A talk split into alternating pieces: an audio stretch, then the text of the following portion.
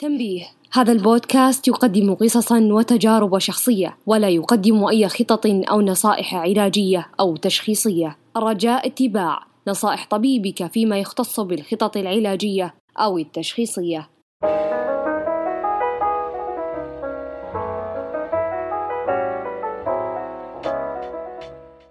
هذا الموسم يا جماعة تكلمنا على مواضيع ممكن البعض يعتبرها شويتين نادرة. وصراحة أتفق. يعني مو كل يوم بنقابل شخص مصاب بثنائي القطب مو كل يوم بنقابل شخص شخص عنده كرونز لكن موضوع حلقتنا لليوم أعتقد إنه إلا وما قابلنا شخص مصاب فيه إلا وما قد سمعنا عنه من قبل. موضوع حلقتنا لليوم الصراحة قبل قبل لقائنا كنت احسبه موضوع يعني موضوع بسيط حتى ما كنت أحس إنه لازم تسوي عنه حلقة في البودكاست. بس بعد لقائي مع الأستاذ أحمد المهنا تغير كل شيء أعرفه عن التأتأة. أيوة يا جماعة حلقتنا اليوم عن التأتأة. ممكن أغلبنا يعتقد أن التأتأة هي بس بس مشكلة في النطق. لكن صدقوني يا جماعة هي أكبر من كذا بكثير. التأتأة ممكن يكون موضوعها جدا جدا عميق ويكون وراها قصص وتجارب وعقبات ممكن الشخص ما يشوفها إلا في الأفلام. فأعتقد هذه هي أحسن طريقة أوصف فيها لقائي مع الأستاذ أحمد المهنا. فلا أطول عليكم يا جماعة أو أترككم مع اللقاء. بس قبل ما نروح نسمع لقاءنا ممكن في حلقتنا اليوم ناقشنا مواضيع شويتين حساسة مثل موضوع التنمر وموضوع الانتحار ومواضيع حساسة أخرى. فواجب التحذير عن هذا الشيء. الآن أترككم مع الأستاذ أحمد. طيب أستاذ أحمد أول سؤال عندي وأعتقد في ناس كثير يحبوا يسمعوا جواب هذا السؤال. مين هو أستاذ أحمد المهنا؟ أعطينا كذا نبذة بسيطة عنك. أحمد المهنا هو شخص بسيط جدا آه عانى من التأتأة وبدأت معه التأتأة في عمر الأربع سنوات ونص إلى خمس سنوات. بسبب هجوم كلبين الله يكرمكم وأنا نازل من البيت. نازل في العمارة فتحت باب العمارة ولقيت كلب قدامي. هجم علي وهجم علي الكلب الثاني ومن يومها بدأت معي التاتا. فنزلت الشغالة سحبتني آه، من العراك اللي كان قاعد يصير تحت. يعني أنا كنت قصير وصغير وشعري طويل. فيعني ما أعرف يعني الكلاب هذول الله يكرم الله يكرمكم. يعني ما حزنوا على المنظر هذا. من يوم ما جاتني التاتا يعني. فنعم. استمرت معي التأتأة طبعا طوال 24 سنة. عانيت جدا من التأتأة ولكن بعد 24 سنة وقفت وقفة لأني اترفضت في السبع الوظائف كلها اللي قدمت فيها جربت الانتحار. وحنتكلم في ذا الموضوع في مرحلة وأنا صغير بسبب التأتأة والتنمر. حنتكلم عنها إن شاء الله. واليوم أنا مدير مجتمع المتأتئ الذكي واللي بيقدم معسكر كامل في خمس أيام آه عشان يساعد المتأتئين للتغلب على التأتأة. سواء كانت وراثية أو نفسية حسب الدراسات العالمية. هذا هو احمد المهندس. ما شاء الله تبارك الله. طيب وبسالك سؤال كذا زيادة عنك. إيش إيش تقدر تقول هو المجال اللي أنت شغال فيه حاليا؟ حاليا أقدر أقول هو مجال تدريب. آه لتدريب المتأتين إن هم يصنعوا أفضل نسخة من أنفسهم. أو نقدر نقول أفضل شخصية ناطقة. يعني اليوم هم إيش اللي بيسووا؟ اللي بحاول أخليهم طبعا يتحكموا في التأتأ بدربهم. أنا في مجال التدريب حاليا طبعا. مجالي هو مجال تدريب. وأيضا أنا لايف كوتش برضه هو أنا سألتك هذا السؤال لأنه دائما بالنسبة لي أحس كلمة life coach ولا متحدث ولا مجال التدريب كذا دائما تعودنا إنها ما تمشي مع التأتأة فاهمني؟ نعم. بالضبط. فهل هل كان التأتأة لها دور؟ أو ال coach ال coaching هذا ما له علاقة بالتأتأة هذا مجال ثاني أنا دخلته حبيته. لأنه كان مفهومي الأول عن ال coaching إنه ناس قاعدة تفتي صراحة من ال... بيفتحوا موسيقى في الخلفية ويلا يتكلموا عن الحياة. هو مو كذا. آه، اكتشفت إنه الناس اللي موجوده في ال social media اللي بتقول life coach بتوصل صورة مرة غير صحيحة عن ال life coach فال life coach ليس له علاقة بالتأتأة نهائيا ولكن المجال الأساسي هو تدريب مدرب للأشخاص اللي عندهم تأتأة بتقنيات علمية ونفسية وتختص في علم نفس التأتأة وأيضا تختص في حاجة اسمها نقدر نسميها الأسلحة الجسدية لمواجهة التأتأة اللي هي الحبسات الكلامية والتكرارات هذا هو شغل الأساسي أو مجالي الأساسي هو تدريب المتأتين بطرق علمية وعملية موجودة. أوكي طيب طيب أبغى أتكلم على هذا الشيء زيادة. آه حلو. جزء كبير من تجربتك في عالم التأتأة انت لخصتها وخلينا نقول انعكست في شيء اسمه مجتمع المتأتئ الذكي. اليوم الصباح دخلت على على ال website هذا. والله انبهرت بالأشياء اللي موجودة فيه. قل لنا خلي الناس تسمع إيش هو مجتمع المتأتئ الذكي. مجتمع المتأتئ الذكي هو ليس فقط معسكر للتحكم في التأتأة لا. هو مجتمع كامل متكامل يقدم جميع الأشياء اللي تخلي المتأتئ يعيش حياة أفضل. من ناحية إيش؟ أول شيء أساسي ممكن نقدمه اللي هو المعسكر لمدة خمسة أيام. كل يوم 12 ساعة تدريبية متواصلة تمام؟ لمدة خمسة أيام. بنتكلم عن 50 ساعة تقريبا في خمسة أيام بيعيشها المتأتئ أو المتأتئة داخل معسكر المتأتئ. الذكي بيكونوا منعزلين تماما داخل المعسكر ما يتكلموا مع أي شخص بيتعلموا فيها تقنية جديدة للتنفس، تقنية جديدة للتحدث، تقنية جديدة نفسية أيضا نقدر نسميها الأسلحة الجسدية والأسلحة النفسية، وغير كذا جميع القائمين في التدريب أو الفريق التدريبي هم أشخاص كانوا متأتئين وتحكموا في التأتأة في مجتمع المتأتئ الذكي. وغير كذا عندنا جزئية اللي هو آه، برنامج منتهي بالتوظيف ويصبحوا مدربين ويتوظفوا عندنا بشكل أساسي يكونوا هم مدربين في المستقبل عشان إحنا الهدف آه، فقط ليس تدريب. آه، الهدف إنه تدريب ونقدم برضو نادي اسمه نادي الصفر تأتأ هو نادي Toastmaster عشان الناس اللي بتعاني من ال presentation والرهاب والخوف من اللقاء أمام الجمهور برضو نخليهم يدخلوا النادي هذا بعض أو بعض أو بعد عفوا ما ينضموا لمجتمع أو المعسكر. زائد إنه في فريقين عندنا فريق آه مساعدين المدرب تحت التأهيل وفريق آه مساعدين المدربين الأساسيين ثم يصيروا مدرب أساسي. هذول كلهم إن شاء الله إذا استمروا معانا وأخذوا الخبرة وحضروا الكورسات طبعا آه حيكونوا إن شاء الله في تدريب منتهي بالتوظيف معانا وهم يقدموا المعسكر هذا. يكونوا هم اللي يساعدوا الطلاب والطالبات الجدد يتحكموا في التأتأة. الهدف هو مو فقط التحكم في التأتأة فيقدم جميع البيئات المناسبة عشان الشخص يخرج بشخصية ناطقة جديدة.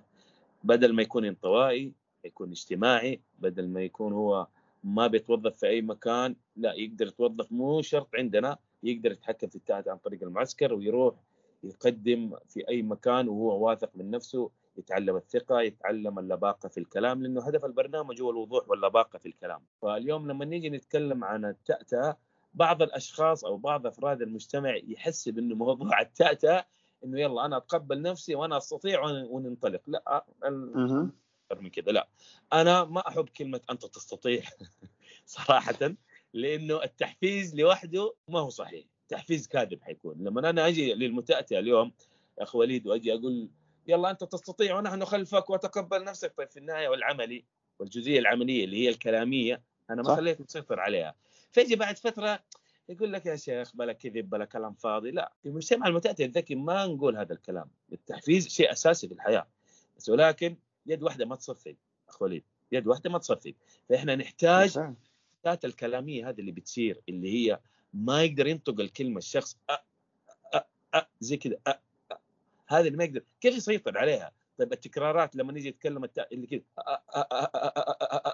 هذه كيف يتحكم فيها طيب طيب في متأتين في نفس الوقت بيبدلوا الكلمات هذول اللي الناس يحسبون ما عندهم تأتة ولكن هذا بيعيش حرب نووية داخل عقله حنتكلم عن شخصيات المتأتين لأنه هذه جزئيه لازم يفهموها الناس نعم هذا مجتمع المتأتئ الذكي بكل اختصار وزي ما شفتوا تقدروا تدخلوا طبعا على حسابنا في الانستغرام وتشوفوا بعض القصص قبل وبعد المعسكر حتتفاجئوا أنتم حتى الموجودين معنا في اللقاء إن شاء الله وجميع الناس اللي مستمعين لنا أدخلوا على مجتمع المتأتئ الذكي في الإنستغرام وحتشوفوا بعض المقاطع قبل وبعد مقطع كذا قبل وبعد حتتفاجئوا كيف ممكن بعد 10 سنوات أو 15 سنة من التأتأة أو 20 سنة شخص يدخل المعسكر ويخرج بشخصية ناطقة جديدة في خلال أربع إلى خمس أيام. نعم 12 ساعة في اليوم مرة كثيرة من 9 الصباح إلى 9 مساء ولكن إيه الحجم حجم الخروج الجديد اللي بيخرج به الشخص أو نقدر نقول بيولد من أول وجديد. سبحان الله. بالفعل يعني اليوم أنا أنا الصباح وأنا قاعد أشوف المقاطع هذه اللي قبل وبعد حسبت المعسكر مدته شهر ولا شهرين وتفاجأت لما قلت لي خمس أيام. يعني خمس نفترض إنه أنا شخص عندي تاتا نعم. دخلت المعسكر. بعد الخمس أيام هذه هل خلينا نقول نقدر ما يكون عندي تأتأة ولا بيكون كذا قطعت شوط كبير حلو، الجانب هذا- جميل. السؤال هذا مرة مهم أشكرك عليه لأنه لازم نتكلم في هذا السؤال. بعد خمسة أيام الشخص أكيد هو ما حيتخلص نهائيا ولكن في فرق كذا. ركزوا يخرج بشخصية ناطقة جديدة وبنفسية جديدة مختلفة تماما كأنه شخص ثاني ولد شخص ثاني. أنت ما تعرفه. ممكن أخوك نفسه اللي الآن أنت بتسمع أو اللي بيسمعني يكون عنده تأتأة أو أختك يكون شخص مرة انهزامي خلاص تعب من حياته يكون انطوائي. فجأة دخل بعد خمسة أيام تحول واحد ثاني. حيكون خرج بشخصية ناطقة جديدة بتكنيكات وكلامه واضح يختلف نهائيا. حتى التشنجات اللي في الوجه من التأتأة اختفت تلاقيها. ولكن السؤال الأهم اللي يطرح نفسه هل هو يكون تخلص هو يكون وصل لمرحلة جديدة حيستمر عليها الستة شهور الأولى عشان يظل على النتيجة هذه. إحنا اليوم بنتكلم عن مواقف وكلمات وأحرف مشحونة بالخوف. على مدار السنوات الماضية الشخص المتأتئ هو كان قاعد يهرب من التأتأة أو بيحاول هذه بتكلم بالجزئية النفسية كل ما بيتكلم بيحاول يسوي نفسه قدام الناس إنه هو ما هو متأتئ. فكان بيصير العكس بيتأتئ أكثر. أو بتظهر التأتأة لأنه أساسا هو قاعد يقاوم هويته هويته هي إنه هو متأتئ هو قاعد آه. يقاوم هذا فبتطلع التأتأة أو بتظهر إحنا بنشتغل على جزئيتين كمان. نعم هذا هو اللي إحنا بنسويه. فبنشتغل على جزئيتين في المعسكر. الجزئية الأولى اللي هي أنت ما تظهره للآخرين. أنت لما تتكلم اليوم المتأتئ بيحاول هو بيسوي نفسه هو ما عنده تأتأة وإنه هو شخص طليق هذا غلط طبعا. بنحاول نشتغل على الجزئية الثانية اللي هي أنت على حقيقتك. تقبلك للمشكلة هو من أحد الأساسيات للتحكم في التأتأة خلال الستة شهور اللي ما بعد المعسكر أنت حتشوف كيف يطلع بعد المعسكر. إذا التزم. المعسكر هذا يا أخ وليد للجادين فقط وليس للمجربين. ولا الشخص اللي بيجرب ينفع ولا ما ينفع. ويصير فيها خطوات كثيرة عشان أقبلهم. ما نقبل أي متأتئ. هتقول لي ليش طيب مو هدف المساعدة؟ أقول لك نعم الهدف المساعدة في النهاية المساعدة بالطريقة الصحيحة. المعسكر يحتاج حيدخل الشخص الجاد في التحكم في التأتأة الجاد بطريقة 100% يعني ما يكون جاي عشان أهله آه، خلوه يجي بالقوة ولا يكون جاي عشان هو مجبور ولا يكون لا يكون جاي عشان هو مقتنع إنه هو لازم يجي عشان الموضوع هذا. والله شيء رهيب. فيا جماعة اللي يسمع اللي يسمع الحلقة هذه ويحب يطلع على كل اللي ذكره أستاذ أحمد تقدروا تشيكوا على وصف الحلقة بإذن الله تلاقوا كل الروابط الخاصة بهذا الموضوع. طبعا لو تسمح لنا أستاذ أحمد. أكيد طبعا أكيد طبعا. عيوني لكم. طيب أستاذ أحمد قاعد أسجل معاك وأكتب كل الأشياء اللي ذكرتها والصراحة عندي أسئلة كثير. يعني بسألك على قصة هجوم الكلاب وبسألك على موضوع الجامعة اللي تكلمنا عليه تحت الهواء. بس قبل قبل ما أدخل في هذه الأشياء أحس في نقطة مهمة ضروري كذا نمر عليها في البداية. اللي هو إيش إيش تعريف التأتأة من الأساس؟ يعني أنا أتوقع أن هي أكثر موضوع منتشر بنتكلم عليه في هذا الموسم. وأحس لما الشيء ينتشر كذا بكثرة يكون مرة صعب علينا أن نعرفه بسبب اختلاف التجارب اختلاف ال- المواقف. فكذا لو تقدر تقول لنا من. وجهة نظرك إيش هي التأتأة؟ وجهة نظري أنا حتكلم فيها أنا حبتعد شوية صراحة على ال- على التعريف العلمي أو المتعارف عليه صراحة. الناس تقدر الآن واللي بتسمعني تكتب تأتأة يعني حيجيها التعريف. لا أنا أبغى أعرفها بشخصيه المتأتئ أو الشخص اللي عاش الحالة. والتعريف العلمي يقدروا يطلعوه مثلا من جوجل. سهل جدا. هو اضطرابات في النطق أو اضطرابات في سلاسة الكلام آه، يعني بتكون على شكل تكرارات أحرف أو أو حبسات كلامية اللي هو ما يقدر ينطق الشخص أو بيبدل الكلمات اللي تأتي فيه هذا التعريف المتعارف عليه. ولكن اليوم خليني عشان الناس كذا تحس بالشعور المتأتئ كيف يعرفها تعرف الشخص اللي بيحاول يخنقك أو يقتلك؟ ويكون فوقك طالع فوقك وحاطط يده على رقبتك وبيضغط على رقبتك. إيش الشعور اللي بتحسه أخ وليد؟ تحس إنه وجهك صار أحمر صح؟ تحس إنه في دم بيتجمع في راسك صح؟ تحس إنه أنت قاعد تموت في كل حرف. إحنا بنموت حرفيا. إحنا بنموت ولا زلنا بنموت. أو البعض اللي ما تحكم لا, لا زال يموت كل يوم في كل حرف هو بيقوله. في كل حرف هو بيحاول يتنفس ويقوله في كل كلمة. فإحنا كأنه حواليننا حبل بينشد علينا بيخنقنا. كأنه شخص بيشنقنا حبل مشنقة كل ما بنتكلم. هذا تعريفي كشخص متأتئ للتأتأة. شخص بيخنقني.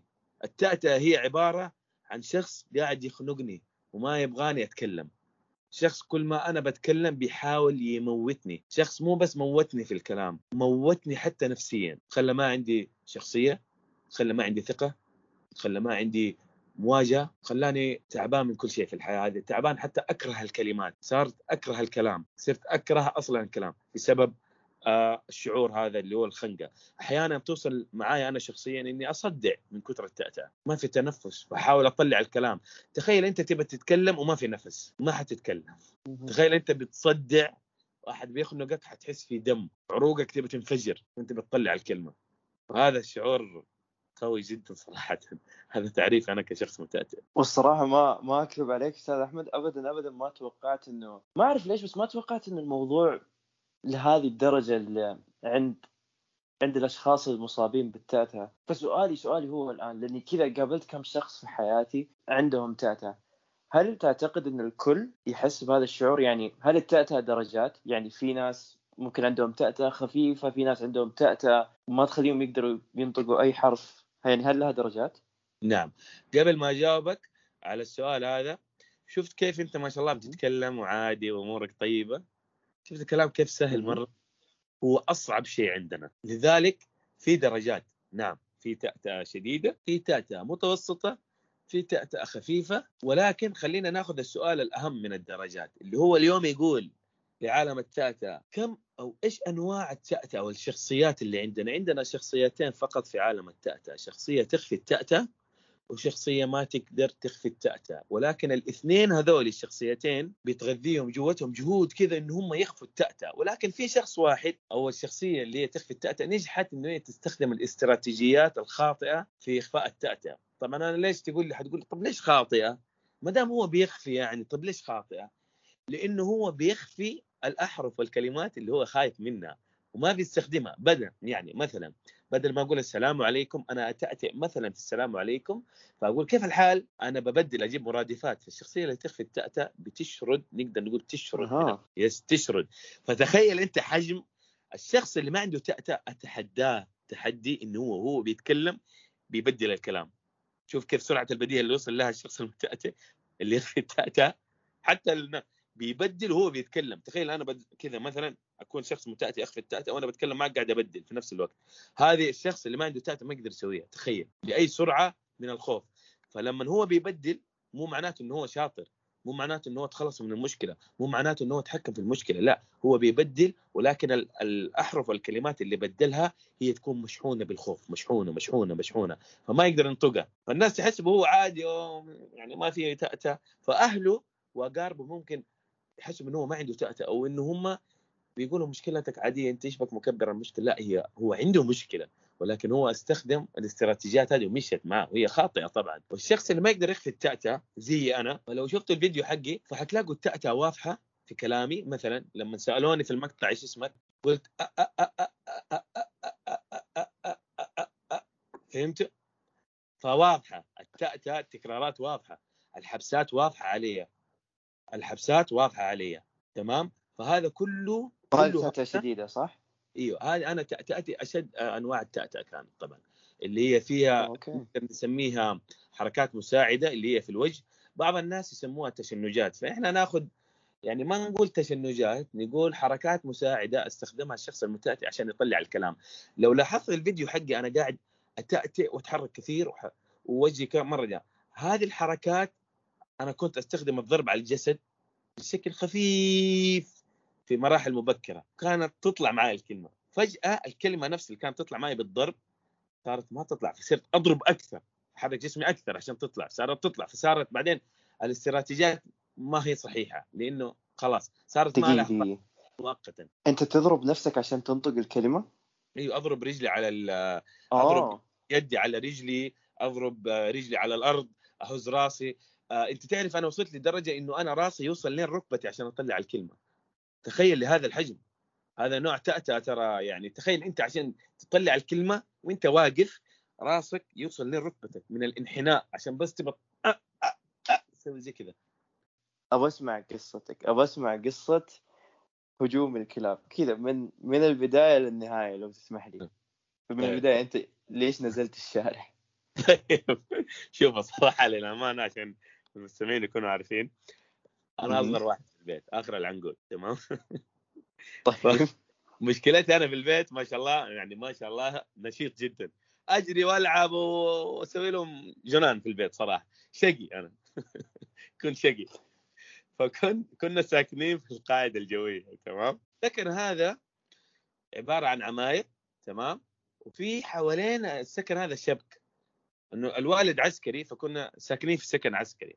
فحوالينا الشبك هذا صحراء زي الصحراء كذا تمام؟ فكانت الكلاب. تدخل الشبك مو كثير. بس على حسن حظي أنا فتحت الباب. كذا بدون ما حد يعرف. فتحت الباب ونزلت في العصر. أوكي؟ فتحت الباب يا جماعة الخير ونازل. نزلت من الدرج بسرعة. نزلت بنزل الشارع. فهم قاعدين ينادوني من فوق. تعال أمي تعال. فتحت الباب وخرجت. اتشاقيت صراحة للأمانة. نزلت. طبعا على نزلتي من الدرج نحن في الدور اللي فوق. نزلت الدرج. باب العمارة اندف عادي. أنا قصير طبعا جدا صغير جدا قصير أنا. دفيت باب العمارة. أول ما دفيت باب العمارة هذا الموقف صراحة ما أنساه طوال حياتي.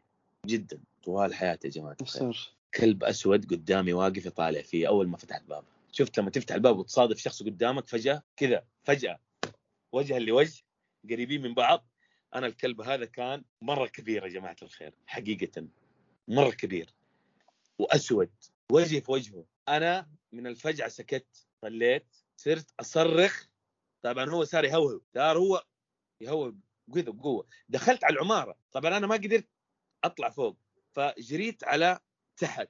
طبعا في شقتين فوق وشقتين تحت. أنا جريت فتحت باب العمارة صرت أجري تحت. هو دخل ورايا. فجأة دخل كلب ثاني وراه. صاروا الاثنين يا ساتر. يس نعم بهذا يعني أنا أبغاكم كان المستمعين الآن اللي بيسمعونا. تكونوا مرة مركزين معايا. تخيل أنت تجري وأنت صغير ما عندك ما في ما في أي مخرج ثاني. يا إنه أحد الشقق اللي تحت يفتح الباب ويدخلك يكون هذا مخرجك الوحيد. الأفكار اللي جاتني وأنا صغير أنا طبعا هذا الموقف لين ما أموت صراحة. صراحة سؤالك خلاني أسترجع آه، مشاعر قوية شوية كذا و- و- وحرقة عين صراحة. شوية جاتني تخيلت الموقف رجعت كذا تقريبا رجعت نقدر نقول أكثر من 25 سنة ورا. جريت جريت صرت أجري وألف في مكاني. طبعا سحبوني واحد سحبني من ال... من رجلي من البنطلون رجلي. كذا وطيحني على الأرض. والثاني صاروا الاثنين يسحبوا فيا يسحبوا فيا يسح... وأنا صرت أصرخ زي المجنون. صراحة آه كنت أصرخ زي المجنون أخبط في خلاص ما, ما في ماني عارف صرت أصرخ. شوية ما شفت غير ال- ال- الشغالة نزلت شغالة نزلت من فوق من الدرج وهي تجري.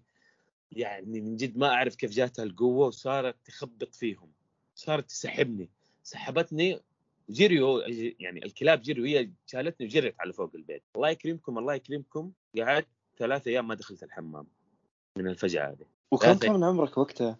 تقريبا داخل على الخمس سنوات أوه تقريبا يا جماعة الخير قعدت ثلاثة أيام ما دخلت الحمام أمي قالت لي نهائيا وخافوا علي وما تكلمت ما قعدت أتكلم ف- ثلاثة ما دخلت حمام من الفجعة فهل آه. هذه كانت بداية التاتا إنك ما ما تكلمت في هذه الثلاث أيام؟ بس أخ منك يا أخ وليد والله أخ منك. السؤال أنا آسف أنا لا. عادي عادي بالعكس. آه تعرف شعور اللي ما تكلمت وبعد ما تكلمت بدأت اتاتئ متى بدأت اتاتئ كنا رايحين بيت خالتي بعد ثلاثة أيام تقريبا وكنت. في السيارة. طبعا عشان الناس يكونوا عارفين أنا كنت فصيح ما شاء الله في الكلام يعني فصيح جدا قبل ما أجي فصيح جدا فصيح أتكلم بلغه عربيه فصحى كمان. يعني ما شاء الله. فصيح جدا. أتكلم كلام ما شاء الله كبار يعني. فأمي قاعدة تقول لي أنت ما شاء الله مرة فصيح لسانك فصيح. تجلس. كنت أجلس حتى مع الناس الكبار. فلما كنا رايحين بيت خالتي بعد ثلاثة أيام في السيارة أمي تقول لي أنت بدأت تتأتئ. إحنا رايحين على بيت خالتك. كنت. تتكلم مع السواق وبس تتأتئ تتأتئ تتأتئ تتأتئ تتأتئ مرة شديدة. من ذاك اليوم يا صديقي وليد آه، بدأت المعاناة مع التأتأة بدأت من المدرسة طبعا أيضا. كنت أتعرض لتنمر جسدي وتنمر مادي وتنمر لفظي. طبعا التنمر الجسدي اللي هو الضرب التنمر المادي اللي هو ياخذوا فطوري ياخذوا السندويشت حقي ياخذوا عصيري يقطعوا دفاتري يرموا لي شنطتي آه. التنمر آه اللي نقدر نقول عليه اللي هو اللفظي يا معاق يا أ أ أ أ أ أ يا كمبيوتر حاسب آلي يا لي زي كذا. فشخصيتي كانت قاعدة تتهدم سنة عن سنة شهر عن شهر. الضرب اللي كنت أتعرض له في مرحلة الابتدائي كان مؤلم صراحة. كان في شخص هو وخمسة أشخاص. كانوا الخمسة ياخذوا دائرة علي وهو يضربني في وسط الدائرة عادي. في الابتدائي؟ يس في الابتدائي طال عمرك. فكان ال ال ال ال أنا دحين قاعد أحكيك وأنا قاعد أسترجع ذكريات يعني كيف ما أقول لك أنا يعني- عارف إنه مو سهلة بالنسبة لك. يعني بينضرب كل يوم طفل بينضرب كل يوم. أنا قعدت. يمكن سنتين وأنا انضرب كل يوم. في المدرسة انضرب في الصباح وانضرب في الصرفة. انضرب في الصباح انضرب في الصرفة. انضرب في الصباح انضرب في الصرفة. وإيش ما تبغى ضرب بالرجول آه ضرب بالحجر. آه طبعا كان في حجر صغير كذا. تعرفوا الحجر الصغير هذا اللي يجي كذا كان في المدارس؟ كأنه آه بس أيوه كان يشيل ويرمي علي.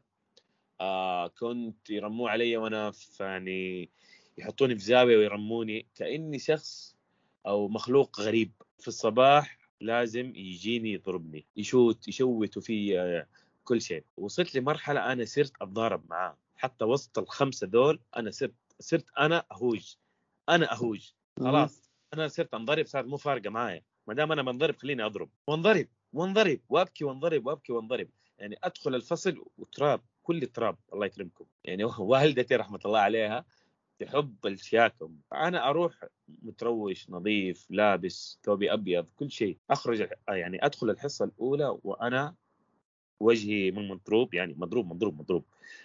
في تراب في ملابسي في ثيابي آه، شعري تراب آه، شعري كذا يعني كأنه متقطع منضرب آه، قعدت كذا على هذا الحال سنتين. أنا في خامسة ويعني كنت في رابعة وخامسة انضرب. هو في سادسة ابتدائي طبعا خلاص آه، تخرجوا أنا لما صرت سادسة ابتدائي ارتحت نفسيا يا جماعة. لأنه خلاص مرحلة من أول لسادسه صح ولا لا؟ فأنا رابعة أيوة. انضرب منه. سادسة لما اتخرج هو خلاص بعد سادسة أنا ارتحت. بس فأصبح بس عندي- برضه سنتين شيء كبير. نعم. فصار عندي حتى أنا كنت شخصية أحب أصحابي بس نفس أصحابي كانوا يتنمروا علي. فيتنمروا علي لما يزعلوا يتريقوا علي. في الفصل اتهدمت الثقة عندي والشخصية إنه أنا كانوا يستنوني أقرأ. فالله يهديه أستاذ القراءة في حصة القراءة. المفروض يعني ما في حاجة أنا أنصح أي مدرس الآن بيسمعني أو دكتور في الجامعة أو أهل لا تغصب ولدك أو لا تغصب الطالب لا تغصبه على الكلام لا تحرجه. أنت مو عارف معاناة كان ترى أنا بيخنقني أحد بيخنقني حقيقة لما نتكلم. ف آه شوفوا شوفوا شوفوا جاء دوره جاء دوره جاء دوره جاء دوره جاء دوره جاء دوره. حصة القرآن كرهت حصة القراءة والقرآن بسبب التأتأة كنت أكرهها مرة. كنت أتمنى أموت. ولما يغيب المدرس أفرح. لما يجي الويكند أقول يا رب لك الحمد حرتاح يومين. ما في كلام ما في تنمر ما في هذه الأشياء. دخلت المتوسط التنمر أكثر وأكثر. طبعا في الدراسات عشان تكونوا عارفين أقصى درجات التنمر تكون في المتوسط. يعني هي تبدأ تبدأ في الابتدائي وتزيد في أعلى درجاتها في المتوسط. مرحلة المتوسط كانت من أسوأ المراحل عندي في حياتي. في حياتي. لأنه زي ما تقول أنت دخلت على مرحلة جديدة وغير كذا التنمر فيها أصلا عالي جدا. كانوا لدرجة حتى الناس اللي أنا كنت اولى متوسط الناس اللي من ثالث متوسط يجوا في الفصل عندي ويقعدوا يتريقوا علي. ويضحكوا حتى في الفصل. فمهمة المدرس الله يهديه كان يسكتهم بس.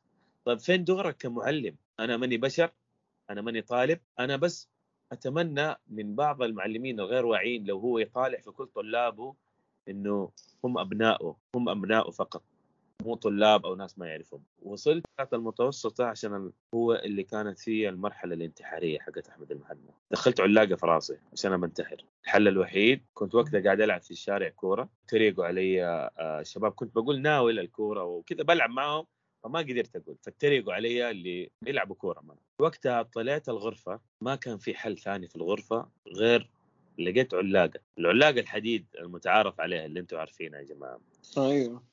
شكت العلاقه وضربتها في راسي غرستها في راسي. خلاص ما أبغى في النص. ما أبغى ما أبغى. خلوني أموت أحسن. ما مني فايدة. لأنه أسهل شيء كنت أشوفه عند الناس هو الكلام. وهو أصعب شيء عندي. كنت أشوف الناس اللي أصغر مني يتكلموا براحتهم وأنا لا. كنت أشوف أهلي يتكلموا مع بعض وأنا لا. كنت أشوف الناس تقول نكت ويضحكوا الناس عليها وأنا لما أجي أقول نكتة الناس تضحك على كلامي ما تضحك على النكتة. كنت وقتها أبكي طبعا. أرجع ياما بكيت ياما يا يا يا سلام ياما ياما ياما ياما. ياما دخلت حمام المدرسة وبكيت ياما بكيت في وسط الفصل ونص الفصل هم يتنمروا علي. في أحد المرات تضاربت مع واحد وصقعني في عيني بوكس ونزل طلع خط دم في عيني. هذا في ثانوي. فوقت العلاقة دخلت في راسي علق علقت خلاص أنا خفت. خرجت للأمانة. ما حقول لكم كنت بطل وغرست زيادة. لا والله خفت للأمانة. بس كان الهدف من ذاك اليوم إني غرستها بالزياده كذا إنه أنا أبغى انتحر بس أبغى انتحر. وخرجتها الحمد لله إنه ما صار ضرر يعني ضرر كبير ما صار. وخرجتها هذا هو- الموضوع يعني ما حد كان يعرف عنه للأمانة. طلعته على الإعلام قبل ثلاث سنوات تقريبا أو سنتين تقريبا. ما حد لاحظ فيك هذا الشيء إنك قاعد تمر تمر بالمراحل الصعبة هذه سواء كان أستاذ أحد صديق قريب الأهل؟ هل أوه. جاتك محاولات مساعدة؟ ولا ما أوه. حد كان عارف إن. أنت مخبي؟ رحمة الله عليها أول شيء رحمة الله عليها والدتي والدي الله يرحمه يا رب. الآن. أتوفوا في شهر واحد قبل سنتين من الآن. والدي توفى آه، في شوال والدتي بعده ب 28 يوم في ذو القعدة. طبعا الشخص الوحيد الداعم لي في الموضوع هذا هو والدتي رويد الصايغ رحمة الله عليها أعظم أم. وهي اللي خلتني آه، بعد الله سبحانه وتعالى أكون بالشخصية القوية الجبارة اللي اليوم أنا عليها أو الشخصية المتحدثة. اللي تقدر تطلع في أي مكان اللي تقدر بفضل من الله ثم فضلها إنه أكون اليوم أدرب الأشخاص هذولي وآخذ العلم هذا من برا وأنقله إلى أو داخل السعودية هنا. آه ساعدتني طبعا كانت تبكي على كل بكاء أنا أبكي حرفيا. آه ودتني لأخصائية ودتني في كل مكان كل مكان تعاني كل مكان. ما قصرت ولا عمرها قصرت ولا في واحد في المية. ولا عمرها حسستني إنه هذا عيب. ولا عمرها حسستني إنه هذه مشكلة مفشلتها ولا عمرها حسستني إنه أنا عار. بالعكس دائما كانت في ظهري كانت تدعمني دعم دعم دعم دعم دعم.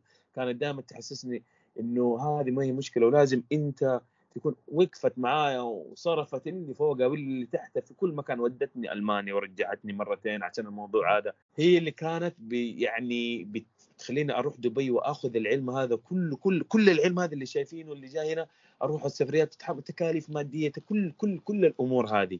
رحلة 24 سنة من التأتأة الداعم الوحيد كان هو أم العظيمة رويد الصائغ ورحمة الله عليها. وال آه، من الله يعني الشيء الوحيد اللي كان نفسي أسويه إنه هي تشوفني أطلع أتكلم قدام الناس في المسرح. كانت تشوفني في الإعلام بس أنا أبغاها. تشوفني على أرض الواقع. طبعا والدتي ما كانت تمشي. عشان كانت تعبانة وتغسل كلى كانت تمشي وبعدين صارت ما تمشي. فالمرحلة ديك أنا وهي كنت كنت معاها. يعني تقدر تقولوا إنه أنا صاحب أمي. إنه منذ الصغر إلى ان ماتت وأنا صاحبها. يعني أقرب واحد لها في البيت. صاحبها جدا. فكنا أخذتها المسرح وشافتني لأول مرة قبل ما تموت بثلاثة شهور. كنت حاسس للأمانة يا جماعة أنا عندي حاجة من ربنا. أحس الشيء قبل ما يصير. كنت حاسس إنها حتموت. كان نفسي تشوفني قبل قبل. كنت حاسس بيها يعني. أنا ملازم لها في فترة آه، تعبها إلين ما ماتت. فعارف أنا حاسس كذا فقبل ما تموت بثلاثة شهور تقريبا جاني مع فريق سفراء التطوع أوجه لهم تحية. جاني منهم دعوة إنه أنا أكون متحدث مع من ضمن عشرة متحدثين. على طول أخذت أمي. فالحمد لله شافتني أتكلم قدامها قدام تقريبا 500 شخص.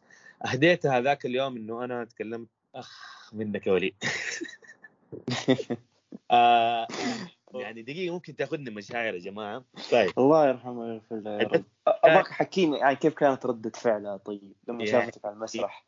كانت كنت أطالع فيه وتطالع فيا مبتسمه وابتسم طلعت فيه قلت له شوفي اليوم هذه هديتك يعني خلاص هذه هدية. وأنا رايح قلت له هذه هدية. نزلت اتكلمت طبعا عنه قلت شكرا على دعمها وعلمتني العطاء اللي أنا فيه. اليوم العطاء كله هذا اللي قاعد أسويه تعلمته من أمي طبعا. عطائي في كل أي حاجة بدون إنه أنا أنتظر أي مقابل من الناس.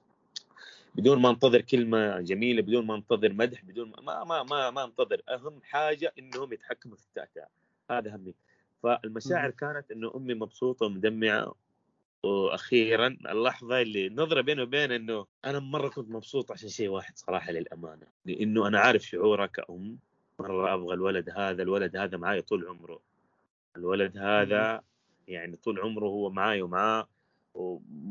أقوى علاقة في البيت كانت أقوى علاقة. يعني أتعدت علاقة الأم بالابن إلى أصحاب.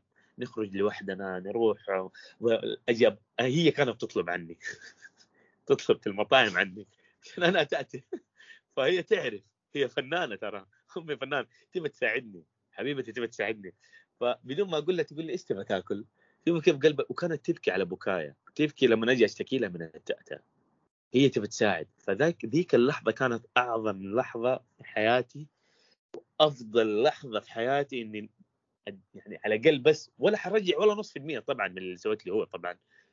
ولكن نقدر نقول أهم حاجة إنه أنا قبل ما تموت خليتها تشوفني وأنا أتكلم. أنا آسف والله. فهذا أعظم شعور صراحة. وكلكم اللي بتسمعوني الآن لازم تكونوا ترضوا ابائكم وأمهاتكم. ترى ما حد فتح لي أبواب الخير الآن. وما انفتحت بالشكل الواسع هذا غير بعد ما ماتت أمي وابوي انفتحت لوحده والله لوحده لا تقول لي كيف. من كل مكان محبة ناس نجاحات مجتمع متاتا الذكي ال... كل الأمور هذه. والله والله والله والله اللي يموت اللي امه امه وأبوه يموتوا وهو ما رضاهم ولا تعب معاهم الرضا مو سهل. لكن إذا ماتوا حتعرف كيف ربي يرجع لك هو أضعاف دبلات. زي ما صاير معايا اليوم. فكانت أعظم لحظة. آه، أنا إلى الآن عشان بس آه، الله يرحمك أمي أول شيء أنا إلى الآن من يوم ما توفت أمي كل شهر وأنا قدام قبرها في البقيه حتى وقت كورونا يعني من خلف السور وأنا أروح له. كل شهر أنا لازم عند أمي لازم عندها في وقت ولادتها لازم وقت وقت الأعياد أنا عندها كل شهر أنا عندها لازم. فأحكي لها كل جديد. فهي كان لها فضل كبير بعد الله. سبحانه وتعالى إنه أنا أكون أحمد المهنا اللي اليوم عليه. هذا هو. وبس. تفضل. كمل ال... صدق أستاذ أحمد كان يعني صراحة كانت عندي أسئلة كثيرة بسالك إنه إيش هي صفات الشخص اللي لابد يكون يعني إيش صفات الشخص اللي يساعد الشخص اللي عنده تأتأة إيش صفات المجتمع اللي بيكون مجتمع يساعد؟ الشخص اللي عنده تأتأة بس أتوقع بعد ما تكلمنا عن أستاذ رويد الصاغ أعتقد أعتقد جاوبنا على هذا السؤال. يعني ما شاء الله هي كانت الشخص المثالي اللي لابد إنه يتواجد في مجتمع كل شخص كل شخص عنده تأتأة حقيقي حقيقي يا أخ وليد. أنا لازم أنصح الناس تسمعني والناس اللي عندهم أولاد متأتئين. يا جماعة الخير المتأتئ ما يبغى غير شيء واحد إنك تسمع له. لا تكمل كلامه. أنا عارف إنك تبى تساعده لما تكمل كلامه بس أنا ما أبغاك تكمل كلامه. أنا أقول لك أنا ما أبغاك تكمل كلامه. لأنه مشكلة إذا أنت كملت كلامه. ما لأنه حيعتمد عليك إنه أنت تكمل كلامه. فهمتوا؟ فأنت بكذا حتضعفه أكثر لما تخرج على أرض الواقع.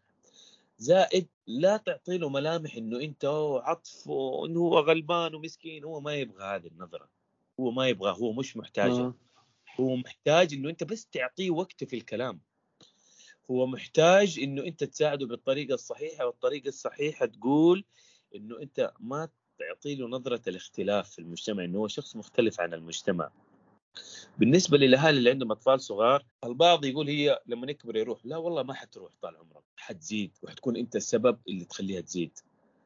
منذ الصغر أول ما تبدأ الحالة في الظهور الله يخليكم. يا إنك إذا كان طفل وديه لأخصائي تخاطب بس أخصائي تخاطب شاطر. ولما أقول أخصائي تخاطب شاطر أنا ما بذم أو بقول إنه الأخصائيين مو شاطرين.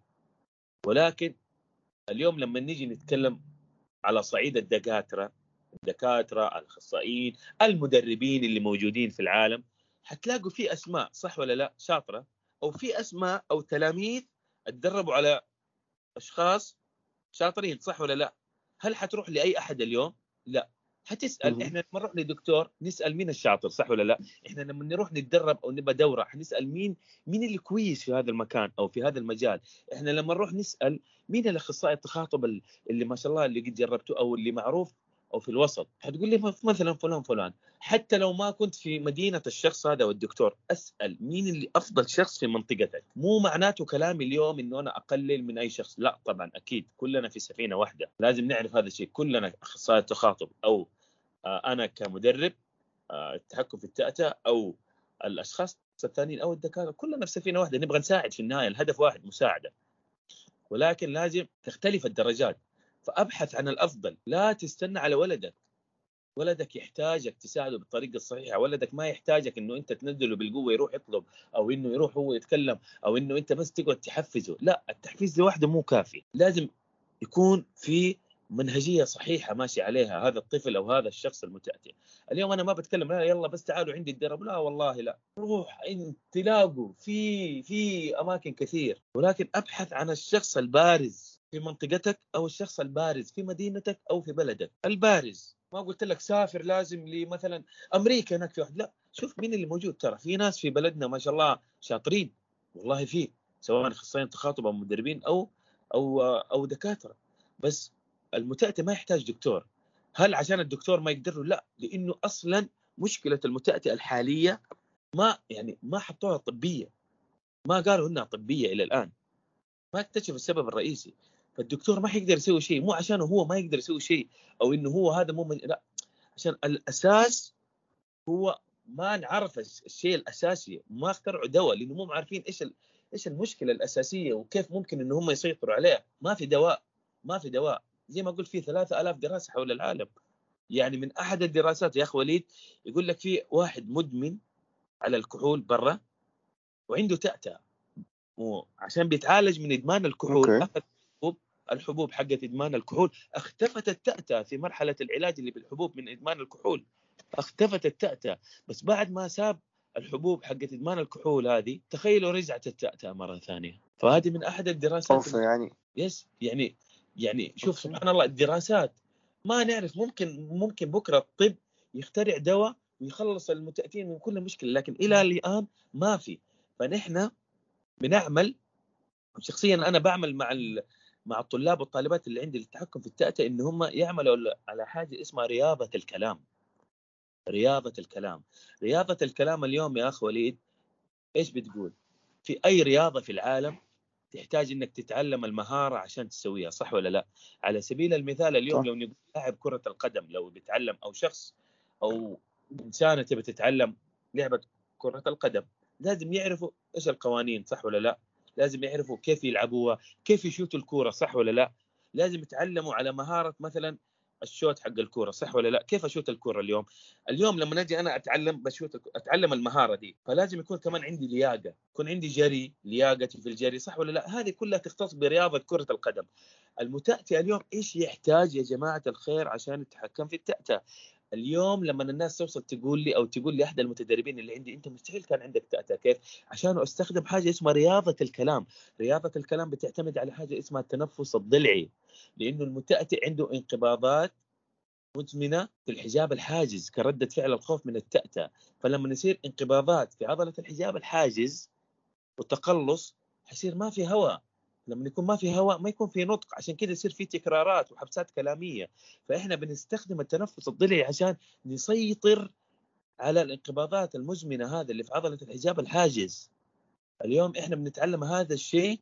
فلما يصير ما في انقباضات في عضلة الحجاب الحاجز ونستخدم التنفس فحيصير في نطق. لأنه طول ما هو في هواء حيكون في نطق. لما يصير في انقباض ما حيكون في هواء ما حيكون في هواء. فحيصير تكرارات أحرف وتأتأ وحبسات كلاميه غير كذا هل أنا احتاج فقط التنفس الضلعي لا أنا اليوم احتاج تكنيكات للنطق عندنا حاجة اسمها ضرب الحرف الأول بدل ما أقول مثلا مثلا لو بقول اعطيني واحد بطاطس بدل ما أقول اعطيني واحد بطاطس لا ما بتكلم بهذه الطريقة بقول اخذ التنفس الضلعي كذا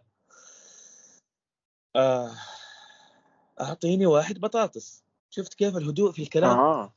إيش الفرق بين الشخصيتين؟ الشخصيتين واضحة إنه هي فيها تأتأ. بس إيش الفرق؟ يا أخ وليد لو تسألني اليوم أو المستمعين يقول لي الشخص الأول كان يتأتئ ومتوتر وانت إنت كمان ما إنت فاهمه. الشخص الثاني تمام؟ استخدم بهدوء تنفس وضرب الحرف الأول. نطق أول حرف من الجملة وخرج النفس وأخذ النفس ونطق الجملة كاملة. هنا هو بيظهر شخصيته الشخص الثاني اللي استخدم التكنيك اللي دوب اللي هو ضرب الحرف الأول أظهر للناس انه هو متأتئ ولكن يستخدم شيء للتحكم في التأتأة. الشخص الثاني ما استخدم شيء ومتأتئ ومرة متوتر فبعد فترة يا أخ وليد حيظهر للناس زي بيتكلم بدون أي techniques بدون أي آه تقنية من التقنيات هذه. ولكن لازم هو ياخذ وقته. ليش؟ لأنه أنت لما تظهر نفسك للناس إحنا بنشتغل على جزئيتين اليوم مو بس جزئية عملية أيضا شيء اسمه عقلية التأتأة أو علم نفس التأتأة إحنا ما بنتكلم عن علم نفس عادي. علم نفس التأتأة يختص بالمتأتئ أفكاره خوفه كيف يواجهه. عندنا أربعة أسلحة نفسية شيء اسمه إظهار هويتك المتعمدة. أنا كيف أظهر هويتي الحقيقية اللي هي كيف أظهر للناس أنه أنا متأتئ؟ هل حروح أتكلم بتأتأ؟ لا حروح أتكلم بتكنيك يوضحني أنه أنا متأتئ ولكن شخص بيعمل على التغلب على التأتأة بعد فترة أنا هنا بهاجم خوف أنه الناس تعرف أنه أنا عندي تأتأة لما أظهر لهم التكنيكات. وفي سلاح نفسي ثاني اسمه الاعتراف بالتأتأة بدل ما أنا أخاف إنه الناس تعرف عندي تأتأة بروح أقول لهم آه أنا عندي تأتأة وأحتاج وقت عشان أسألكم. هذا اسمه تكنيك المد. تكنيك المد بس يستخدم في بداية الجملة. اليوم أنا لما أروح أتكلم مع الناس وأقول لهم مثلا أستخدم تكنيك المد آه أنا عندي تأتأة وأحتاج وقت عشان أسألكم. أنا هنا أظهرت للناس قلت لهم عندي تأتأة بهاجم بسوي استباقية. ما بستنى موقف عشان أروح أعترف. لا أنا أروح وأهاجم خوف إنه الناس تعرف إنه أنا عندي تأتأة إنه أنا أروح أقول لهم إنه أنا عندي تأتأة بكذا أنا قتلت الخوف إنه الناس أنا عندي تأتأة بهاجم جزئية في الإدراك الذاتي وبعمل عليه اللي هي أنت ما تظهره للآخرين. فتخيل أنا بشتغل على جزئيتين اليوم. جزئية إنه أنا أتقبل عندي تأتأة وبحترف للناس وجزئية عملية إنه أنا عندي تكنيكات. فالتكنيكات والجزئية النفسية بتعمل على إنه هي تقتل الخوف. اللي أصبح في الكلمات هذه اللي أصعب من غيرها والتأتأة والتكرارات والحبسات الكلامية، اليوم أنا بعمل على حاجة اسمها رياضة الكلام. أو أكمل على نفس السياق النصائح العملية هذه بس أبغاها في جانب آخر اللي هو موضوع التنمر. فمعليش برجعك هنا خلينا نقول لو لو رجع فيك الوقت طيب يعني قاعد تتعرض للتنمر إيش إيش في أشياء بتسويها غير؟ لأنه قاعد أسأل هذا السؤال وأنا متأكد إنه في ناس قاعدين يمروا بنفس الشيء. يعني إحنا مهما وعينا المجتمع مهما حاولنا نغير في المجتمع إلا وما يجينا شخص متنمر أو شخص بأفكار خاطئة. فايش تنصح أي شخص يمر بمواقف التنمر هذه؟ لو أنت كنت في مكانه إيش ممكن تسوي غير عن اللي سويته أول؟ تقصد وأنا غير متحكم طبعا يعني زي أول. آه أيوه. طيب بالنسبة شوفوا يا جماعة أنا الشيء الوحيد اللي ممكن تسويه يا صديقي أو صديقتي المتأتئ إنه أنت تتجاهل تتجاهل. إذا أتعرضت للتنمر الجسدي لازم لازم لازم تاخذ خطوة إنه أنت تشتكي. لازم لازم تشتكي ما تسكت. يعني بعض الأشياء يا أخي وليد اللي يسمعها مثلا الطالب أو الطالب يا خواف رايح تشتكي المدير رايح تشتكي مدري فين يا خواف يا ضعيف واجب بنفسك. عش... لا لا تروح تشتكي هذا مو خوف من حقك. توقف الشخص عند حده. من حقك كمتأتئ. توقف أي شخص يتنمر عليه. ولكن بالطريقة الصحيحة. إذا الناس تنمروا عليك ترى صدقني الناس الناس ما يعجبهم العجب سواء كنت متأتئ ولا غير متأتئ. فالحل الوحيد طنش طنش تعش تنتعش. حقيقة أنا أقولها دائما أنا كل شخص. طنش. لأنه الشخص اللي تنمر عليك هو شخص ناقص ناقص. صدقني هو ناقص هو عنده جزئية ناقصة قاعد يكملها فيك أنت. عنده جزئية ممكن الشخص هذا اللي بيتنمر عليك هو يكون ضحية تنمر أيضا. فوقف وقف عند الحد. تعرضت لتنمر جسدي وقفهم. انضربت وقف. روح اشتكي روح أرفع شكوى روح إن شاء الله لو توصل لمين. ولكن في نفس الوقت الأثر النفسي اللي جوتك أنا عارف أنت إيش بتحس. أنا عارف إنه أنت داخليا حتقول لي أنا مرة بتألم. أنا عارف والله عارف. أنت بتتألم. بس صدقني طنشهم. لا تسوي نفسك سامعهم. صدقني حيسكتوا. والله حيسكتوا. حتى لو استمروا هم حيعاندوا ويزيدوا لما يشوفوك ساكت. حيوصلوا لمرحلة عشانك تصير ما تعطيهم اهتمام ما حيقربوا منك مرة ثانية. حتى لو طال الأمر مصيره يوقف الأمر. والله حيوقف. ولكن في موضوع التنمر اللفظي والجسدي أشتكي من. حد أبسط حقوقك. وقف الناس عن حدها.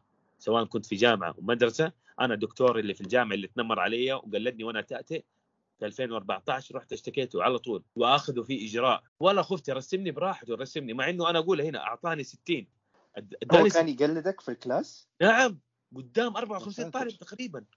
لن أسامحه هذا. بس ما حيكون. جوتي كورة كورة سوداء. خلاص أنا انتهيت. بس أنا أقول ما حسامحه. ما سامحته. بس في. نفس الوقت إذا أنت ما سامحت لا تصير غل. الغل حيخليه في طاقات سلبية داخلك. النقطة السوداء هذه لا. بس أنا عن نفسي ما سامحته. ليش؟ لأنه هو قلتني قدام 24 ت- قا- يعني حتى الطلاب قاموا عليه والله هاجوا عليه الطلاب أنت كيف تقول له كذا؟ قال لي روح جيب لي تقرير طبي، تخيلوا يا جماعة أنا اضطريت إنه أنا أروح لدكتور نفسي عشان يديني تقرير طبي، كنت الدكتور النفسي هذا يعني كتب إنه هذا ما ينفع يعني يعني تطلعه مو الدكتور النفسي يعني كان مو مصدقك؟ تخيلوا عندك اي؟ إنه كان؟ قال لي قدامه آه أنت مسوي لي كذا ومسك حلقه سوى لي كذا تخيل أنت بالتنمر فين ممكن توصل المتأتئ. هذه ترى جزئية وفي جزئية الأهالي يا أخ وليد. أقسم بالله عندي ناس أيوه هذه اللي بتكلم عليها. سبب سبب دمار أولادهم وبناتهم. حرفيا أنا عندي عندي طلاب وطالبات هم يتنمروا عليهم؟ أنا ماني طايق أبوي ولا أمي يقول واحد. ناس من الطلاب عندي أنا ما أطيقهم. كذا يقول لي أنا ما أطيق لا امي ولا أبويا أنا ما الومه بعيدا عن الرضا ورضا الوالدين لا أنت أنت اليوم في حقوق أبناء أيضا. أنت لما تدمر نفسية ولدك أنت بكرة حتكبر ترى كأب وأم وحتحتاج ولدك. ترى ما حتلاقي جنبك بكرة. تعرف ليش؟ عشان أنت ما وقف جنبه في التأتة وكنت قاعد تهدم شخصيته. اللي يقول لي ولده أتكلم عدل واللي تقول لي بنتها اتكلمي بلا دلع ما فيك شيء. شوفي اخواني كيف شوفي مدري مين شوفي مدري فين. ليش ليش هذا كله؟ هو بيده هو ولا بيدها هي؟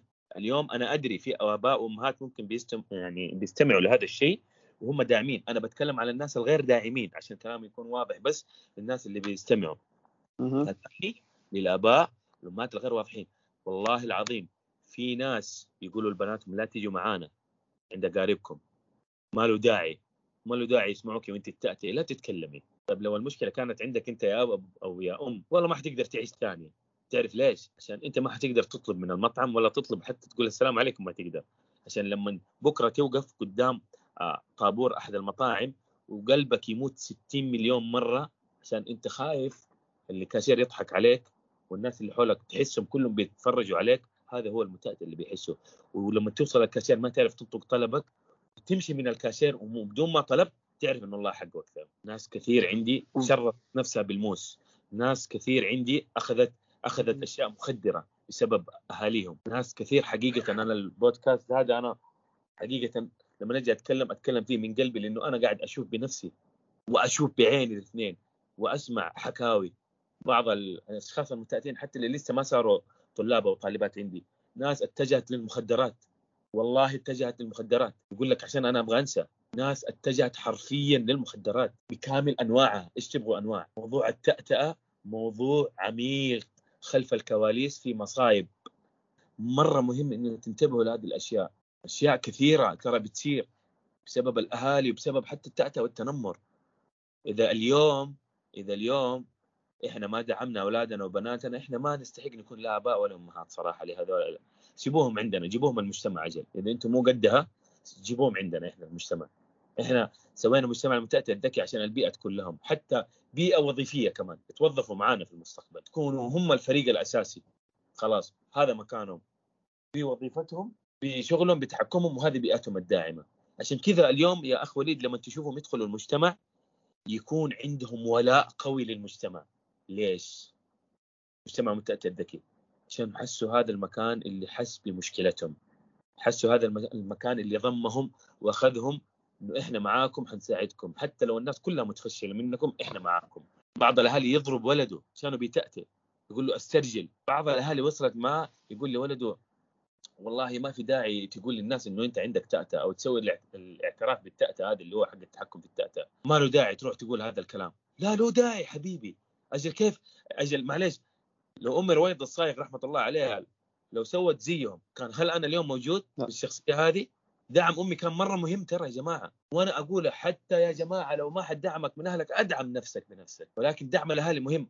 إذا ما أنا أقولها حرفيا بلساني إذا ما حد دعمك أنا موجود أدعمك. مجتمع متأتئ الذكي موجودين. هم عائلتك. ولكن دعم الأهل له دور. شوف كيف أمي بعد ما ماتت رحمة الله عليها أنا إلى الآن فوق قبرها أوقف. هل أنت ولدك بكرة حيوقف فوق قبرك لما تقعد تهدم شخصيته؟ والله عندي ناس بيعانوا منها اليوم ولا ولا شيء. يوم دعم والدتي مهم كان لي دعم دعمة كان فضلا من الله الشخصيه اللي أنا عليها اليوم. آه أوه ولد صالح يدعو لك خلتني ولد صالح أدعو لها. حنونه تعطي من قلبها آه سوت اللي تبغاه سوت لي اللي أبغاه سفرتني كل مكان دفعت دفعت وصرفت عشان أطلع بالشخصية دي ودعمت عشان أطلع بالشخصية دي. عشان بكرة لما هي تموت أنا أستمر بنفس القوة هذه. والدتي شخصيتها جدا قوية كانت. جدا جدا ما شاء الله. وقيادية. كانت وكيلة مدرسة أساسا هي أيضا كمان. دعم الاهالي حتى حتى طلابي وطالباتي ما سلموا ترى. والله ما سلموا يا أخ وليد. ما سلموا من هذا الموضوع. لا تستخدم التكنيك لا تسوي كذا لا تطلع للناس لا تفعل كذا. صارت أنا عندي طالبة يا أخ وليد كل اللي يستمعوا كان تأتأتها شديده لدرجة لا إله إلا أنت حتقول إيش هذا؟ كيف كذا؟ كيف هذه صارت؟ إيش إيش النوع ذا كمان؟ بتطلع يعني أصوات لدرجة إنه الناس يحسبوا متلبسها جني. يعني أنا بمثل لكم بتطلع أصوات وهي التأتئ هذه من الأشياء اللي بيعاني منها المتأتئ نستخدم أصوات كانها تخيلوا يا جماعة كانها هي فيها جني. الناس يحسبوا فيها جني. يا أخ وليد ثلاثة شهور كانت كافية إنه هي تطلع متحدثة صفر تأتأة ثلاثة شهور بس؟ ثلاثة شهور من يوم دخولها الماستر صفر تأتأة تعرف الآن إيش صار فيها؟ انتكاسة قوية ليه؟ بسبب أهلها. أوه. لا تتكلمي كده. طيب بنتكم كانت في مرحلة طلوع جبارة. تعرف أنا أنا مرة زعلت يا أخ وليد. جهد يا رجل بنبذل تعبنا إحنا كمان. ترى اليوم لما تطلع واحد تنتشله من التأتأة حجم السعادة اللي أنت بتحسها كيف؟ لما تنتشل واحد من جذور التأتأة كده تنتشله ويطلع بشخصية فنانة ويجي واحد يخبص لك شغلك كله يدمر شغلك بكلمة كلمتين ويقعد طول الوقت لا تستخدم لا تسوي ما في داعي تروح لأهلك وتقول له هذا الكلام ما في داعي تتكلم كذا بنت طيب أنت عاجبك الأصوات اللي كان يطلعها لما كان يروح لأهلك أو قدامهم يتكلم قدام أقاربك هذول اللي خايف إنه هو يتكلم قدامه بتكنيك؟ والله مو عاجبتك. عشان كذا أنت اليوم كمتأتي أهتم للناس اللي داعمينك مو شرط يكونوا من أهلك. إذا أهلك ما دعموك إحنا موجودين. إحنا موجودين اليوم في دعمك وه... وهذه هي رسالتي لو تسمح لي أستاذ أحمد إني أعيد هذه الرسالة لأن ممكن هي أهم شيء بنقوله في هذا البودكاست. لو كنت أنت شخص يعاني من التنمر سواء من التأتأة أو من أي شيء ثاني سواء كان هذا التنمر من الأهل من زملاء في العمل من أصدقاء اطلبوا المساعدة. لا تسكتوا. في ناس مستعدين يساعدوكم. أستاذ أحمد مستعد يساعدكم. في ناس أكثر بكثير مستعدين إنهم يساعدوكم. فأعتقد أعتقد توافقني أستاذ أحمد إنه هذه هي أهم رسالة إنه أهم شيء ما يسكتوا على اللي عندهم. لا تسكت على نفسك. اليوم دائما أنا أقول لهم يا أخي مو شرط تطلب مني أنا المجتمع موجود إذا تبغانا موجودين والمعسكر موجود عشانك ولكن أطلب من أي شخص أنت تشوفه هو ممكن يساعدك بس أطلب من الشخص الصحيح طب الحين أبغى أتكلم على العلاج بس قبل ما أبدأ أدخل في. في الخيارات العلاجية والنقاط العملية هذه رحلة التأتأ وعموما علاجها ابدا ما أعتقد إنها رحلة سهلة وانت أكيد بتكون أكثر واحد يأكد لي على هذا الشيء. فكيف اولا لو أنا مثلا شخص عندي تاتا كيف أتهيأ نفسيا؟ أتهيأ يعني من كل النواحي إني خلاص أبدأ أخوض رحلة العلاج. من تجربتك أنت إيش الأشياء اللي ساعدتك إنك تتهيأ إنه خلاص يلا يا جماعة أنا أبغى أبدأ أتعالج بالتاتا؟ إيش سويت بالضبط عشان تتجهز لهذه الرحلة؟ طيب ممتاز. خلينا نتفق أول شيء قبل كل شيء إنه ما في علاج للتاتا ولكن في تحكم في التاتا. تمام؟ خلينا نمسك الموضوع بشكل كامل. أنا أشوف إنه نبدأ آه بالنسبة للصغار وبعدين حقول بالنسبة للكبار اللي كبروا على التأتأة تمام؟ طبعا. بالنسبة للصغار أنا أنصح طبعا آه ببرنامج ليت كومب الأسترالي. هو برنامج أسترالي. آه بينفع للأطفال اللي من عمر ثلاث سنوات إلى ست سنوات. تمام؟ هذا البرنامج بيعتمد إنه هو ما يخلي الطفل يعرف إنه هو عنده تأتأة ولا بيخليه يعرف إيش يعني تأتأة أساسا ولا بيخليه أساسا يعني يحس بالمشكلة ولا. إنه الناس اللي حوله بيتحسسوا بالمشكلة هذه. برنامج لكم زي ما قلت ينفع للأشخاص أو الأطفال اللي من ثلاث سنوات إلى ست سنوات وبيعتمد اعتماد كبير جدا على الأب والأم لأنه الأب والأم هم اللي لهم الدور الأساسي في رحلة الطفل في التحكم في التأتأة وبيوصلوه لدرجة إنه هو ينسى شيء اسمه تأتأة طبعا ممكن تبدأ آه، طبعا في مقياس لدرجة التأتأة بشكل يومي من واحد إلى مثلا تسعة أو عشرة. كل يوم بيقيسوا التأتأة حقته. طبعا كل ما طلعنا على العدد فوق حيكون التأتأة عالية. كل ما نزلنا التأتأة تكون أقل. الأب والأم هنا بيعتمدوا على جلسة مكونة من ربع ساعة يوميا يلعبوا فيها مع الطفل تماما. آه ما حيصححوا له كلامه ما حيكملوا له كلامه يعتمدوا على اللعب بطريقة معينة في النطق الهادئ. أيضا في نفس الوقت في نفس الوقت ما يتسرعوا في الكلام بيحفزوه لفظيا. مثلا وهو بيحكي الحكاية هذه الربع ساعة هذه يقولوا له مثلا ما شاء الله مرة كلامك حلو. بيحفزوا أو بيعززوا عنده الطلاقة اللي كانت موجودة في المكان هذا. أو آه، أثناء الكلام. في جزئية ثانية ممكن يلعبوه لعبة بعدين على مدار اللي هي الفترات القادمة لأنه البرنامج تقريبا 24 أسبوع. فحتلاقي فيه سبحان الله الطفل بيتحسن فترة عن فترة. يعني ممكن تكون درجة تأتأته 9 من 10 توصل لنهاية البرنامج هذه اثنين لواحد من, من واحد لاثنين من عشرة. هذا للأطفال الصغار. ممكن يوصل لواحد خلاص. يعني تخيل أنت تدخل الطفل في تشنجات وتأتأة في نهاية البرنامج هذا توصله لواحد اثنين من عشرة. مرة شكرا شكرا. ها هنا أنا أقول لك شكرا وصلته من من واحد لاثنين. هذه تكون خلاص اللي هي ال normal بالنسبة للكبار تمام؟ بس معلش أستاذ أحمد آه، أبغى أوقفك. ممكن توضح لي إيش الاسم مرة ثانية؟ برنامج Lidcombe. برنامج أسترالي. أيوه. okay. كومب طيب الحين الكبار طيب بالنسبة للكبار أفضل الحلول تمام؟ أفضل الحلول الحالية اللي هي التنفس الضلعي والأسلحة الجسدية والنفسية. سالته سؤال مرة مهم أنتم. قلتوا كم الفترة؟ هل هي صعبة؟ آه طب هل في انتكاسات؟ أقول لك نعم. ممكن يعدي كذا وكذا. الرحلة ما أقول صعبة أقول تحتاج التزام قوي. التزام بالتمارين اليومية. يعني أول ما يصحى بيسوي تمرين التنفس الضلعي آه بعدين في عنده عدد من 50 إلى 100 شخص في اليوم يكلمهم تمام؟ بعدين في متابعات في رحلة الالتزام بالتمارين هذه اللي بتصير اللي هي التنفس الضلعي واستخدام الأسلحة الجسدية والأسلحة النفسية لمواجهة التأتأة شهر عن شهر هو بيطلع في مرحلة قوية جدا بينتقل مرحلة انتقالية مرحلة يعني لو تشوفوا الشهر هذا حتشوفوا الشهر اللي جاي أفضل. الشهر اللي بعده أفضل. صار أهدى صار أهدى صار أفضل. بيمشي على نفس لازم يمشي على الخطى بنفس الشيء. ما يقلل ولا يكثر. لأنه لو قلل ممكن يتراجع شوية ويكسل.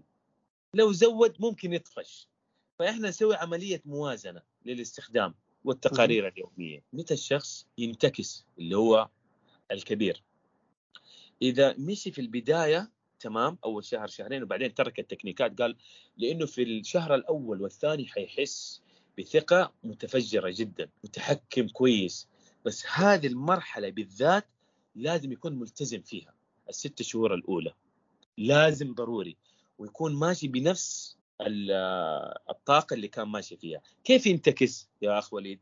ينتكس إذا جاله غرور. جاله غرور مثلا نقول بعد ثلاثة شهور وصل لمرحلة أوه الثقة 100% الخوف 0% وبيتكلم بتحكم وتمام أموره مرة تمام. بدأ يسيب التكنيك اللي هو فقط اللي هو ضرب الحرف آه. بدأ يستغنى عنه. بدأ يتكلم عادي. بدأ ما يسوي تمرين التنفس الضلعي الصباحي اللي هو بيسخن عضلة الحجاب الحاجز عشان تكون مرتاحة على مدار اليوم. 20 دقيقة نسوي فقط في اليوم أول ما نصحى. بدأ يسيبه. فجأة جاله موقف جاء بيستخدم التكنيك لأنه وقف التكنيك أتلخبط التنفس عنده ما عرف يستخدم التكنيك تأتأ بدأ إيش بي أنا كنت ثلاثة شهور كويس طيب تأتأ تأتأ بدأ يستخدم تأتأ خاف بدأ اخاف بدأ الهلع يجي له. بدأ هو يفقد الثقة فهمت؟ شوف كيف كانت يا وليد آه ثقته 100% بس بسبب الموقف هذا انهزت الثقة. طبعا هو وقف طبعا التنفس الضلعي وقف التكنيكات في وقت المفروض ما يوقفه. طيب سؤالي هو أنا حاسس وأنت تتكلم في أشياء خلينا نقول ما بقول معقدة بس الشخص الشخص اللي مثلا ما عنده خبرة كبيرة وما قرأ عنها ممكن ما يقدر يوصل لها فسؤالي هو الحين هل أي شخص يعاني من التأتة ضروري يلجأ لمختص ولا في إمكانية إنه الشخص يتعالج لحاله؟ مو لحاله يعني بدون مساعدة شخص مختص يعني. اليوم لو سألتك سؤال أنا لو مثلا عندي مرض معين هل أقدر أكتب لنفسي دواء؟ لا لازم ازور دكتور. صح. هذه إجابتي على سؤالك. لازم تروح لشخص فاهم وشخص. واعي إنه إيش حيسوي وشخص عارف بالضبط وين الخلل عندك. فين الخلل عندك؟ اليوم لما يجي متأتئ لا لوحده أنا ما أقول لك إنه صح لأنه أنا ما أقدر أمشي لوحدي.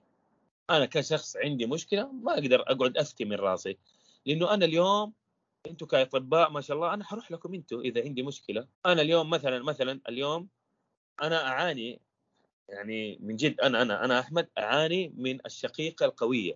ترميني في الأرض أروح آخذ زيفو. هل أنا أقدر أروح يعني آخذ من راسي كم جرعة زيفو؟ هل مثلا لا. آخذ في الوريد آخذه؟ هل أنا حضرب بنفسي في الوريد وادخل؟ لا ما حقدر أنا. هل أنا عارف إنه أنا لازم آخذ زيفو؟ هل أنا لين لازم آخذ كورتيزون عشان الألم هذا اللي بيجيني؟ لا فلازم أنا أروح استشير أروح للشخص المختص في آه لدكتور اعصاب الآن مثلا كتبوا لي مثلا لازم تاخذ بوتكس ممكن حق في العصب. فأنا اليوم كمتأتئ لازم أروح لشخص مختص فاهم أو في المجال هذا ولازم يعرفه يا أخ وليد. مو أي. أحد قال أنا والله مدرب أو أنا والله أخصائي معناته إنه هو يعني شاطر. نتكلم بصراحة.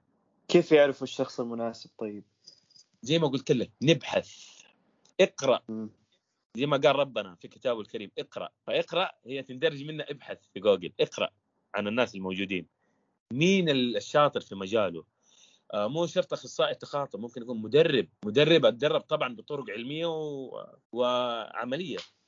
وآخذ فيها الخبرة طبعا ودرب أستاذ أحمد أنا قاعد أشيك على الأوراق اللي عندي وأعتقد غطيت كل شيء أنا أبغى أتكلم عليه. فللأسف للأسف أعتقد وصلنا لنهاية حلقتنا.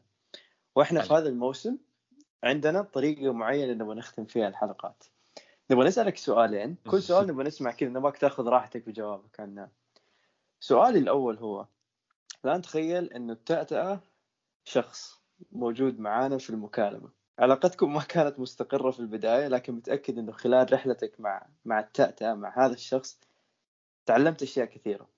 فباك الحين تتكلم لنا عن الأثر الإيجابي للتأتأة في حياتك. الأثر الإيجابي اللي صنعته التاتا واقول صنعته بسبب الألم. زي ما قلت واقول دائما كل قصة ألم خلفها عمل.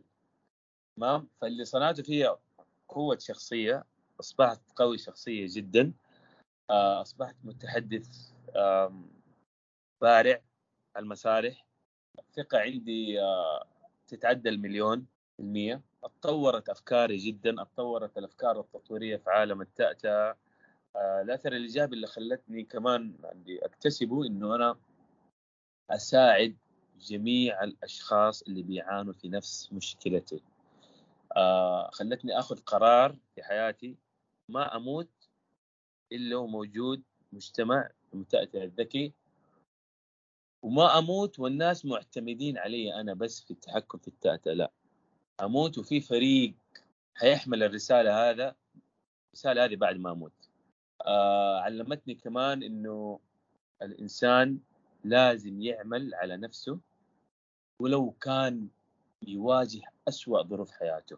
اليوم نقدر نقول آه، إذا ترفضت أنا في سبع وظائف زمان إذا أنا تخرجت من الجامعة بتقدير مقبول إذا أنا اتخليت عن إنه أنا حلمي أدخل الطب عشان التأتأة آه بالعكس اليوم آه أنا أشوف نفسي الحمد لله إنه أنا اترفضت في السبع الوظائف وإنه أنا تخرجت بمقبول وإنه أنا الناس كانت تتريق علي. لأنه السبب اللي أنا فيه اليوم كله هذا فضلا من الله وأمي هو الألم اللي واجهته من التأتأة فعلمتني أشياء كثيرة جدا إنه الألم هو اللي يولد عمل ناجح. الم هو اللي يولد عمل ناجح. الألم يولد عمل ناجح. سؤالي الثاني هو آخر سؤال في هذه الحلقة للأسف. أستاذ أحمد تخيل الآن أنك على مسرح. طيب. وأمامك في هذا المسرح كل الأشخاص اللي مصابين بالتأتأة في العالم. ناس حالتهم جدا شديدة. ناس تغلبوا على التأتأة ولهم سنوات ويقدروا يتكلموا بطلاقة. كان لك دقيقة واحدة بس على هذا المسرح. إيش الرسالة اللي بتوصلها لهذول الأشخاص؟ إيش الرسالة اللي حوجهها لهم في خلال دقيقة؟ ها؟ أها تقدر تاخذ وقتك أنا عارف. أنا قاعد أفكر في شيء يعني تخيلت أنا أتخيل المسرح ده أنا عارف إنه كل واحد فيكم اليوم جالس على هذا الكرسي ومستني يسمع الكلام اللي أنا حقول له هو وعارف إنه كل واحد فيكم بيعاني داخليا وبيعاني نفسيا وعارف إنه كل واحد فيكم قاعد يحس بإنه هو مخنوق في كل مرة بيتكلم فيه وعارف إنه أنت وانت قاعدين تموتوا كل يوم في كل دقيقة وفي كل ثانية أنتم بتحاولوا تتكلموا فيها. وعارف معاناتكم كلها أوعدكم معاناتكم هذه كلها حتنتهي بعد خمس أيام إذا سمعتوا الكلام. طبقتوا جميع الأشياء اللي أنا حقول لكم هي بالحرف الواحد. أوعدكم وعد تام. وأوعدوني الآن أنتم معايا بصوت واحد إنه أنتم حتلتزموا بجميع الأمور اللي أنا حاعطيكم اياها في الخمسة الأيام القادمة. توعدوني؟ بس أنا عن نفسي أيوه.